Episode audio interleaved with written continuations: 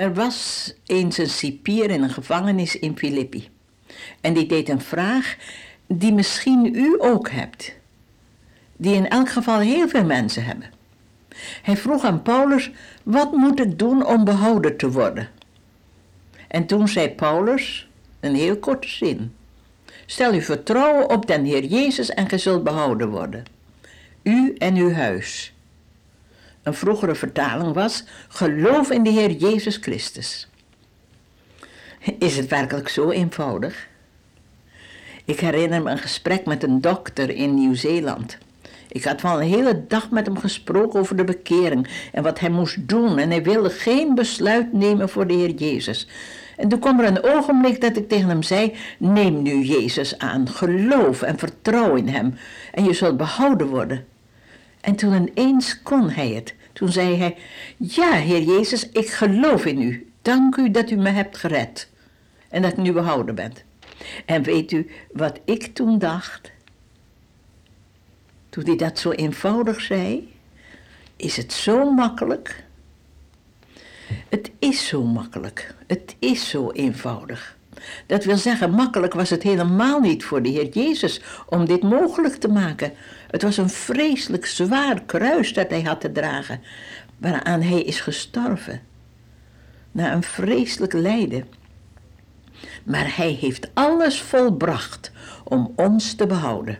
En nu van onze kant is het nodig dat wij onze hand uitstrekken. Kijk, als ik u iets wil geven, dan moet u uw hand uitstrekken zodat ik het in uw hand neer kan leggen. En zo is het ook met de behoudenis. U moet uw hand uitstrekken en dan legt Jezus de behoudenis in uw handen. Het is een ja tot Jezus, anders niet. Ja, er is nog meer, maar dat komt straks. De grote beslissing, dat ja, dat is het allerbelangrijkste.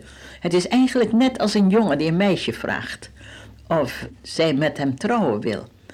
En als ze dan zegt ja, dan is dat hele korte woordje beslissend. Een grote vreugde voor beide als het goed is. Ik vroeg aan iemand, zeg, zou je de Heer Jezus willen aannemen? Toen zei ze, oh, maar ik heb al een heleboel gebeden in mijn leven. En de Heer heeft mijn gebeden ook verhoord. En ik weet dat Hij mij heel erg gezegend heeft. Ik weet ook dat Hij me doorgeholpen heeft toen ik het zo vreselijk moeilijk had. Toen zei ik tegen haar: Kijk, als nu een jongen een meisje vraagt om hem te trouwen en ze antwoordt: Je hebt me toch zo goed geholpen, je bent zo lief voor me geweest. We hebben zo fijn met elkaar gepraat. Ik ben zo blij dat je altijd zo lief voor me bent geweest. Dan zegt die jongen: Ja, dat is allemaal wel goed, maar daar hebben we het op het ogenblik niet over. Ik wilde jouw ja-woord hebben omdat ik je lief heb. En als het nu goed is, dan denkt ze niet aan alles wat geweest is, maar dan zegt ze ja. En dat is dan het grote begin. Kijk, het kan best wezen dat u die nu luistert op het ogenblik, dat u een heleboel ervaren hebt met een Heer. U hebt hem eigenlijk al lief en u weet dat hij u lief heeft. U hebt al heel wat gebeden en er zijn veel van, heel wat van die gebeden verhoord. Maar de Heer Jezus heeft u zo geweldig lief dat Hij niet minder tevreden kan zijn dan dat Hij uw hart wil hebben, uw liefde. En als u nu zegt, ja Heer Jezus, ik neem uw behoudenis aan, ja, ik wil u toebehoren, ja, dan gaat Hij u behouden voor de eeuwigheid en voor de tijd. Dan gaat u bij elkaar horen, Jezus en u. En dat is een heerlijk begin. Net zo goed als een ja-woord van een meisje aan een jongen ook een begin is. Maar dit is veel groter gebeuren, want Jezus geeft u eeuwig leven. Hij geeft u een antwoord op de, uw zondeprobleem. Hij maakt u lid van de familie van God. De Bijbel wordt een liefdesbrief van God voor u. Allemaal omdat u nu Jezus hebt aangenomen. Hij gaat nu uw hart vullen met zijn heilige geest.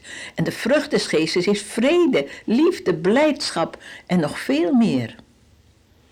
Wil u het doen? Wil u nu eens niet kijken op alles wat u al beleefd hebt en wat er allemaal moeilijk en wat er allemaal heerlijk was in uw leven? Maar wilt u nu ook alleen maar eens even goed begrijpen dat Jezus hier is en heeft u lief en hij wil u in zijn armen nemen en hij wil u gelukkig maken. Hij wil u eeuwig leven geven. Hij wil u een overwinnend leven geven in deze tijd. Hij wil u zijn geest geven. Hij heeft u gevraagd. Ja, wat is nou uw antwoord? Zullen we samen bidden? Heer Jezus, ik dank u dat u haar, dat u hem zo lief hebt. Dank u dat u zo blij bent als hij of zij ja zegt. En dat u ze dan gaat behouden. Hebt u het gehoord, Heer, wie dit zei? Ja, natuurlijk hebt u het gehoord. Wie zijn ja, Jezus, zei. U hebt het niet alleen gehoord, maar u bent er zo blij om. Heer, zag u die mensen, zag u die ene daar, die het zo graag zou willen, maar het niet deed? U weet waarom. Er was een ja maar.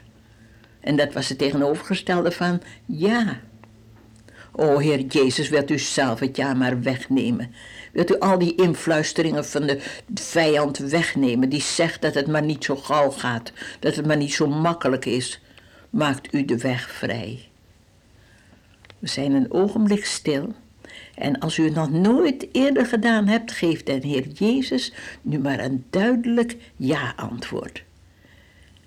En aan u, die hem al toebehoort, vraag ik u, wilt u bidden voor alle die luisteren en die nog nooit een ja tot Jezus gezegd hebben? Nu zijn we stil.